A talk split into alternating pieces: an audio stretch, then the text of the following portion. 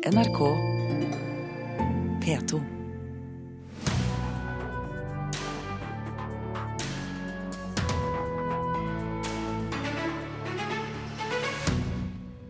Stortinget vedtok feil versjon da Grunnloven på nynorsk ble vedtatt i mai i år. Blir trolig fire år forsinket. Anja Breiens film om jesidifolket ble laget av nysgjerrighet i 2009. I 2014 har den blitt sørgelig aktuell. Lytt til publikum, det er rådet fra flere av landets store kulturhus før åpningen av Stormen i Bodø i morgen. Fredagspanelet diskuterer outing av norske Gestapo-kvinner, alkoholreklame og bortfall av anmelderi i norske aviser. Kulturnytt får du med Birger Kolsrud Jåsund i studio. Med 168 mot én stemme vedtok Stortinget i mai en nynorsk versjon av Grunnloven, men det ingen av representantene visste, var at de stemte ja til feil versjon. Dermed har Norge, i selveste jubileumsåret 2014, fått en grunnlov på nynorsk de mest sannsynlig ikke kan bruke. Det må jo være litt pinlig for eh, Stortinget, vil jeg tro. Eh, for eh, her er det jo snakk om en, uh, altså den mest symboltunge loven vi har. Da. Og at man da uh, vedtar uh, noe som er en feil, det, det er jo litt kjedelig. Det sier jurist Hans Petter Graver, som ledet arbeidet med å skrive Grunnloven på nynorsk. Han må nå innse at noen har klart å rote det til, slik at det ikke er den endelige versjonen Stortinget har vedtatt, men den nest siste. Ja, jeg skjønner. Grunnlovsekspert Arne Fliflet sammenlignet den riktige utgaven med den vedtatte i går kveld. Embetsførsle, eh, det, blitt, eh, det ble til embetsutøving. Og så har du eh, framifrå gagnsverk. Det ble til framifrå fortjeneste. Totalt fant Fliflet ca. 25 språklige forskjeller. Ja, det er kjedelig. Det er jo det. Man burde ha unngått det. Tastetrykk, det er jo ting som kan skje. Men eh, det burde ikke ha skjedd. Og i hvert fall ikke med en så alvorlig ting som Grunnloven. Nøyaktig hva tabben skyldes er uklart, men leder av kontroll- og konstitusjonskomiteen på Stortinget, Martin Kolberg, sier at det har skjedd en menneskelig feil. Det Antageligvis er et tastetrykk uh, vi snakker om her, hvor det er kommet opp en såkalt annen fil, som det heter på dataspråket, og uh, har skapt denne forvirringen. Det ryttes det opp i, men så lenge det ikke har skjedd noe konstitusjonelt galt, eller har noen rettslig betydning, så har jeg ingen alvorlig bekymring til dette. Dog slik at er det nødvendig å rette opp ting, så skal vi gjøre det. Og det er det opp til stortingspolitikerne selv å bestemme. Grunnlovsekspert Arne Fliflet synes det bør gjøres et nytt vedtak. Man har jo gjennomgått Grunnloven ved flere anledninger for å rette opp språklige feil. Og hvis man skal følge den tradisjonen, så bør man også ta dette alvorlig. Og da vil det i så fall ta en god stund før den korrekte grunnloven ser dagens lys.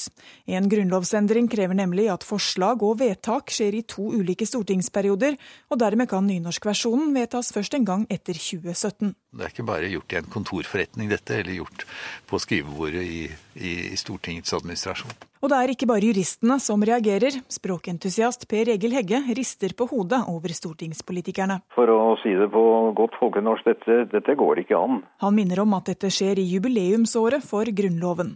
Og da den ble vedtatt i 1814, var det under ledelse av en av Norges fremste språkeksperter, professor Georg Sverdrup.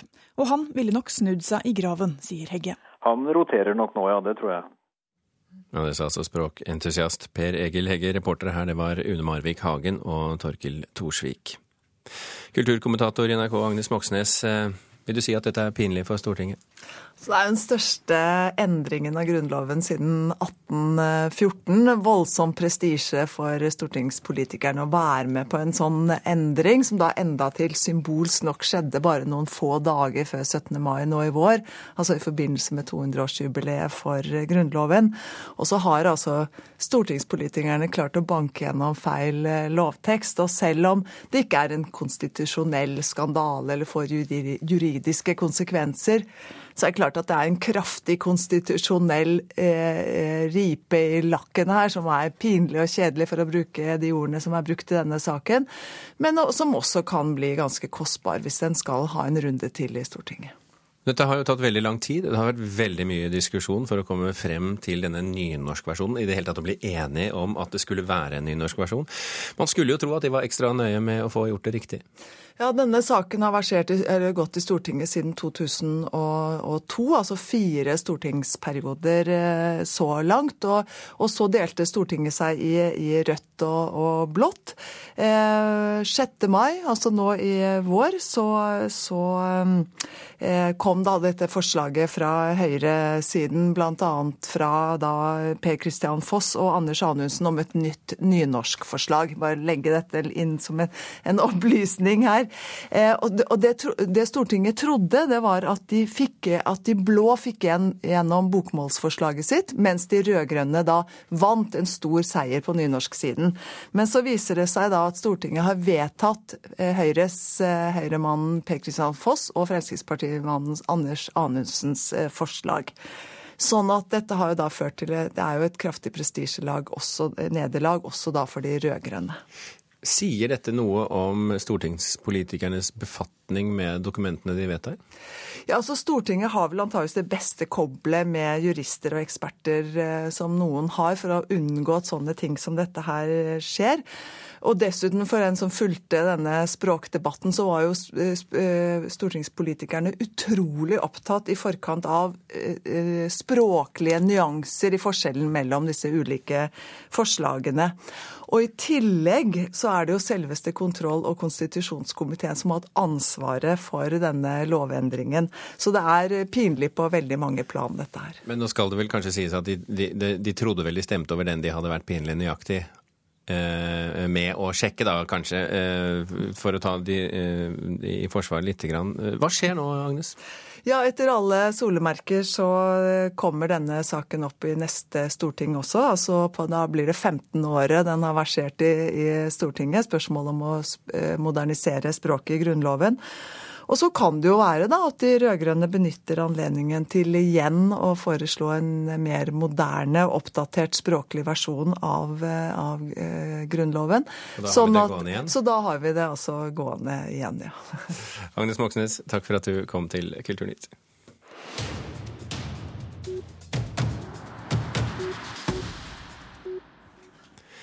Moods of Norway har ikke råd til å gjennomføre den varslede utenlandssatsingen sin. Det sier Jan Egil Flo, som er en av gründerne i selskapet til Dagens Næringsliv.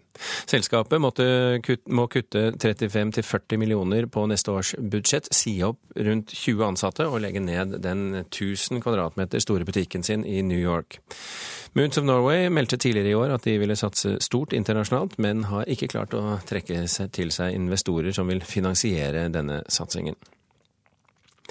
Bokprosjektet 'Nådeløse nordmenn' av NRK-journalist Eirik Veum har traumatisert mange etterkommere av landssvikere. Det sier Ida Jackson, som tidligere i høst ga ut en bok om morfaren som var SS-soldat under krigen. Dagsavisen skriver at Jackson har blitt kontaktet av flere etterkommere som er bekymret for omtalen i VMs bøker.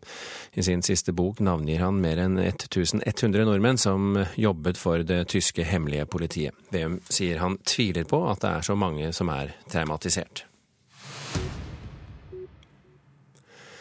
Filmregissør Anja Breien laget i 2009 en film om den religiøse minoriteten jesidi i Irak. Krigshandlingene i regionen og fremveksten av IS, den islamske staten, har sendt jesidiene på flukt og gjort filmen sørgelig aktuell. Det var min nysgjerrighet og lysten til å vite mer om jesidiene som gjorde at jeg lagde den filmen. Og dette at eh, når jeg spurte folk, ingen visste hvem de var. Jesidier har vært hemmelighetsfulle om sin religion. Ikke-jesidier får sjelden stige ned hit. Men Anja Breien fikk innpass hos denne religiøse minoriteten. I filmen forteller hun deres historie. En historie som i flere hundre år er prega av forfølgelse. For å si sånn, En god, gammeldags opplysningsfilm. Hva venter dem i framtida, undra hun seg. Svaret fikk hun i august. Og så skjer dette som ga denne filmen en eh, grusom aktualitet. I Irak er det satt i gang en stor operasjon for å redde flere tusen flyktninger som er omringet av styrker fra ISIL. Jetsidiene ble utsatt for et massivt angrep av den islamske stat, IS. Titusener ble drevet på flukt, flere ble henrettet og kvinner og barn ble tatt til slaver. Nå trues de med utryddelse, mener Norsk Folkehjelp. Dette var en ren folkemordshandling. De anser jesidi-folket som vantro. Eh, og så vantro at det er legitimt å drepe dem og utrydde dem som folk sier Trude Falk, som er seniorrådgiver. Både er de fredelige, og de misjonerer ikke. Du er født som jesidi, og, og, og du forblir jesidi. Hei alle sammen, og hjertelig velkommen til Movies on War. Det er under filmfestivalen Movies on War i Elverum den står på plakaten denne gang. Og den fem år gamle filmen har hatt flere visninger i høst. Det mener jeg en sånn type film har vært veldig viktig. Viktig fordi nordmenn har engasjert seg lite i tragediene som følger IS sine angrep, mener Falk. Jeg syns nok det at det har vært eh, mindre mobilisering enn det en så alvorlig sak eh, faktisk fortjener. Jeg syns de var lette å få kontakt med. Og, og, jeg tror de satte pris på at man viste den interessen for dem. Visninger av filmen i år bekrefter dette. Arbeiderpartiets uh, internasjonale forum viste filmen, uh, og da dukket det opp uh, veldig mange jesidier. Så noen gutter som kom, som, som satt i asylmottak i Skien, og de sa å, kan, vi, kan, du ikke gi oss den filmen, fordi at de vet ingenting om oss. Så, så, så da sendte jeg en DVD til de da. En stor del av jesidiene er småbønder og gjetere. Mange er fattige, særlig i Sinjar. Fortsatt er nesten 10 000 jesidier fanget sør på Sinjar-fjellet. Norsk Folkehjelp er bekymra med tanke på at en vinter er i vente og de mangler det meste. Samtidig som de frykter en ny IS-offensiv. Det er en fryktelig situasjon, syns jeg. Så jeg, jeg, er veldig glad for at jeg fikk eh, laget den filmen, også. Og den, den eldes jo ikke. Ja, Det sa filmregissør Anja Breien. Reporter her, det var eh, Torunn Myhre. Du hører på Kulturnytt i Nyhetsmorgen. Klokken er eh, kvart over åtte, og dette er toppsaken i Dagsnytt nå. Den norske legen Mats Gilbert er utestengt fra Gazastripen på livstid. Enkelt språk og tegninger skal gjøre det lettere for å forstå eh, informasjonen i medisinpakkene. Og Kristelig Folkeparti og Venstre har ikke laget noen felles liste med krav om hva de sammen må ha igjennom eh, i budsjettforhandlingene med regjeringspartiene. Du skal ha en økonomi som er sunn og nøktern. Du skal ikke sprenge ja, Der fikk du også en liten tjuvstart på saken vi skal inn i nå. Jeg vil bare minne om at uh, Mats Gilbert kommer til Nyhetsmorgen etter klokken halv ni, etter at vi er ferdig med Stormen-åpningen. Og Fredagspanelet, som selvfølgelig er i ferd med å vagle seg her i studio. Vi har ikke sluppet dem inn helt ennå. Vi skal altså til Bodø, til eh, Stormen som åpner i morgen. Å lytte til publikum og ikke gape over for mye, det er noen av de mange tipsene kulturhus landet over gir Stormen for tiden. I Norge er det bygd kulturhus for til sammen 14 milliarder kroner de siste ti årene, og i morgen åpner altså Stormen sitt kulturkvartal i Bodø. I Kristiansand stiller Reidar Mossland, medieprodusent ved Kulturhuset Kilden, kultur- og teaterhuset Kilden. Han stiller sine erfaringer til disposisjon. Du skal ha en økonomi som er sunn og nøktern. Du skal ikke sprenge deg for mye kanskje på for store prosjekter eh, før du vet litt mer om hva publikum ønsker. Men bunnlinja er jo faktisk lytt til publikum og undersøk og finn litt ut hva det er de ønsker. Kristiansand, Stavanger og Hamar har de største og dyreste kulturhusene som har åpna de siste årene.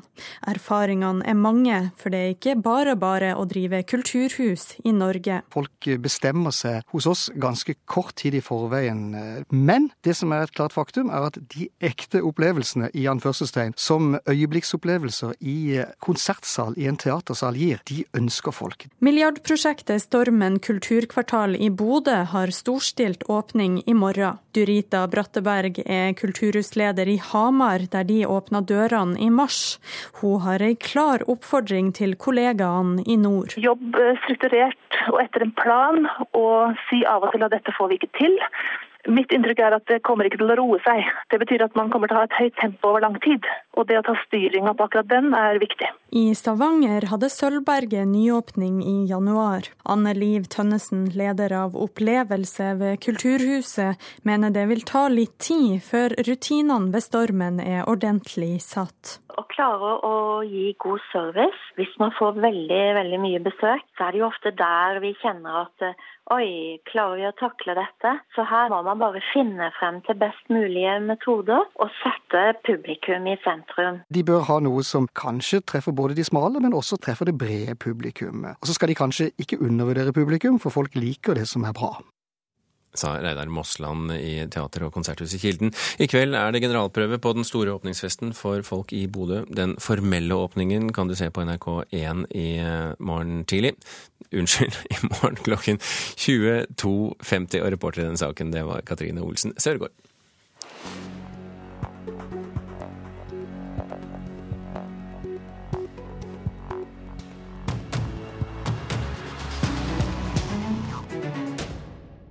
Deltakerne i Fredagspanelet plukker vi blant presumptivt taleføre mennesker i kulturlivet. Fra uke til uke hører du kunstnere, regissører, forfattere, akademikere, humorister, skuespillere og en liten overvekt av aviskommentatorer. Vi innrømmer det. I dag har vi tilfeldigvis brakt uh, sammen tre redaktører.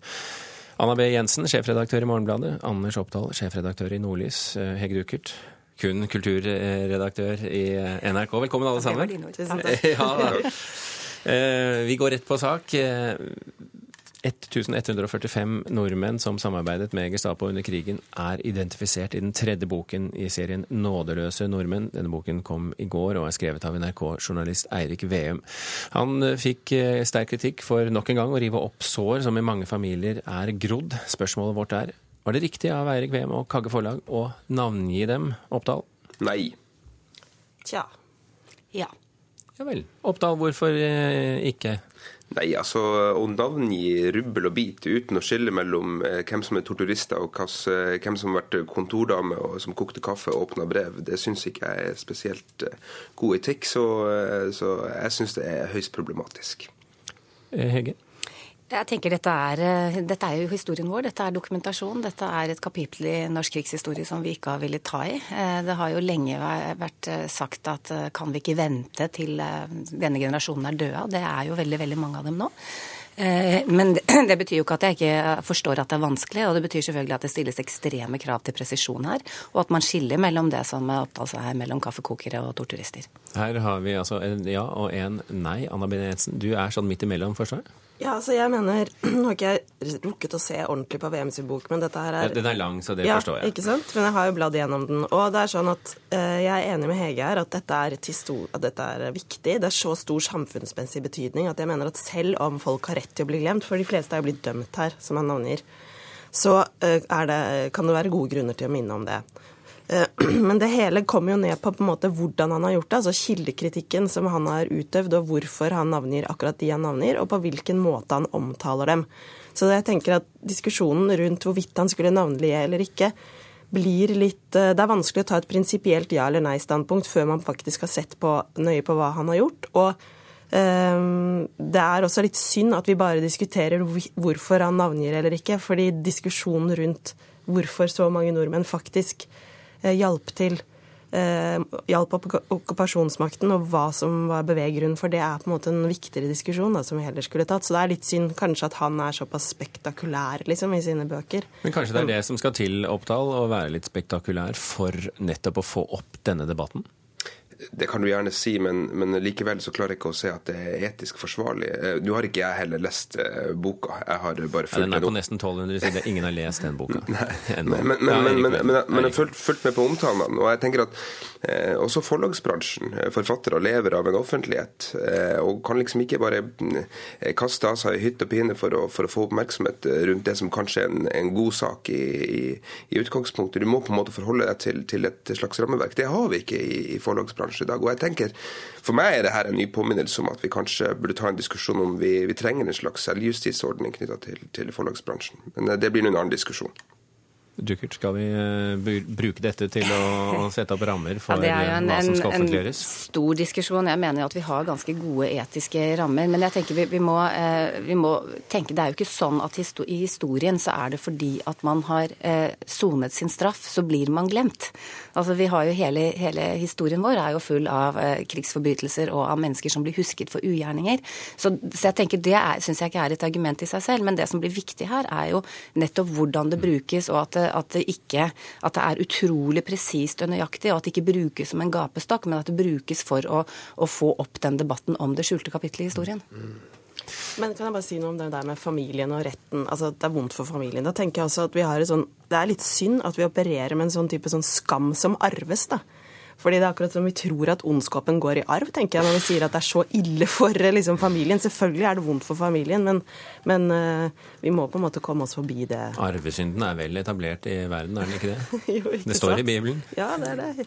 For de som tror på det. Ja, Vi går videre til neste spørsmål. Eh, vi skal snakke om alkohol, eh, i hvert fall alkoholreklame, som nå sniker seg inn også i Norge, selv om vi har forbud her. Det sniker seg inn fra utenlandske nettsteder. Spørsmålet vårt er er det nytteløst å holde på et særnorsk norsk reklameforbud mot eh, alkohol, Dukkert? Nei. Jensen? Nei. Oppdal? Nei. Det, det var jo hyggelig. Vi skal bare fortsette med det. Vi får ikke, altså Norske produsenter får ikke lov til å reklamere for sin alkohol, men utenlandske får det. Jeg mener at den, den, politikken har gitt resultater i Norge. Altså, vi ser det kanskje særlig på tobakksreklame, som jo har vært effektivt i Norge. Og det er jo grunn til å tro at ungdom eh, som blir veldig påvirket av alkoholreklame, at det har en preventiv eh, effekt. Så tror jeg jo at argumentet med at eh, det fins på internett, det er jo det, Alt fins på internett. Lovlig, ulovlig, etisk og uetisk. Så kan, det kan ikke være et argument i forhold til hva slags type politikk Norge skal føre.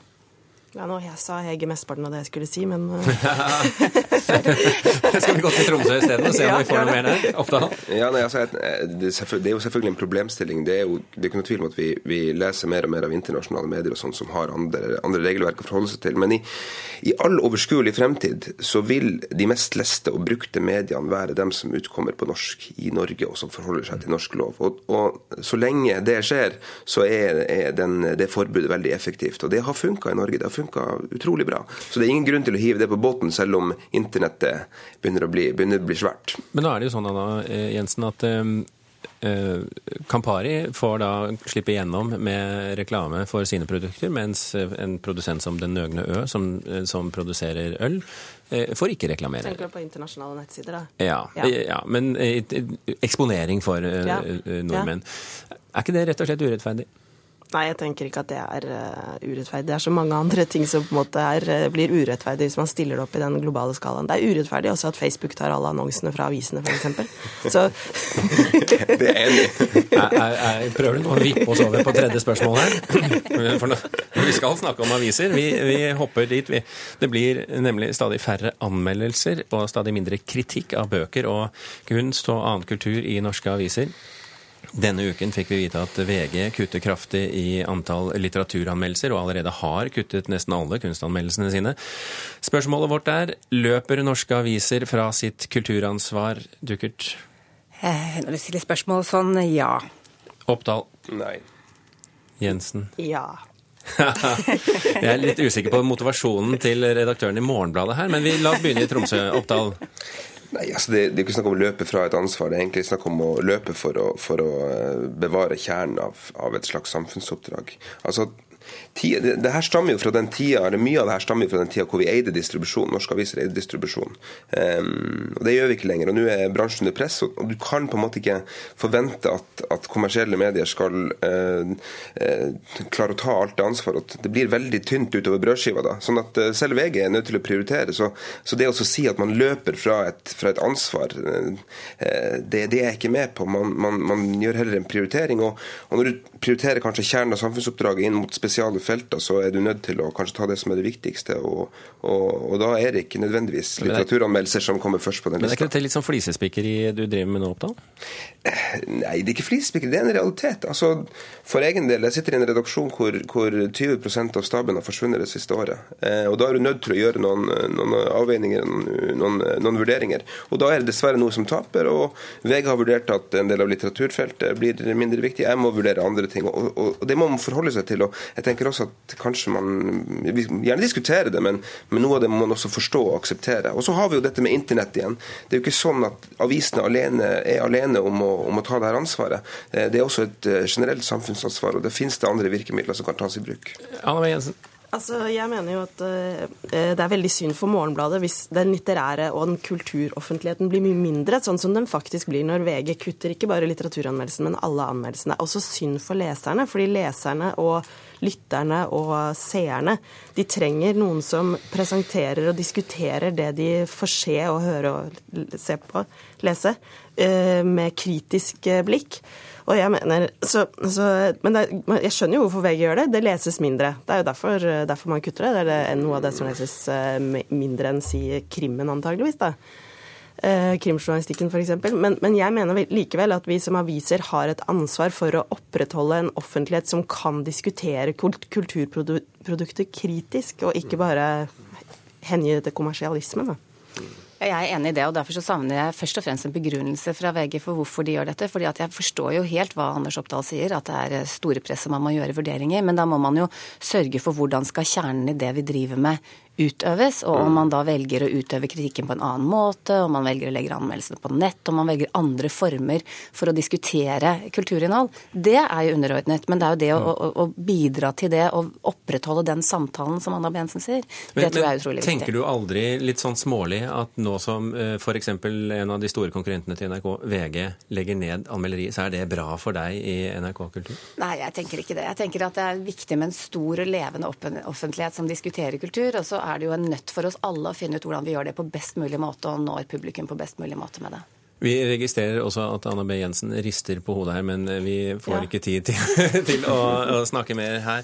Eh, Kulturnytt er i ferd med å runde av, og Nyhetsmorgen skal sette i gang bl.a. med Mats Gilbert, som har kommet inn i studio her. Mari Janne Myhrol og, Thomas Alvarstein Ove, inkludert Birger Kåsrud Aasund her bak mikrofonen, takker for følget.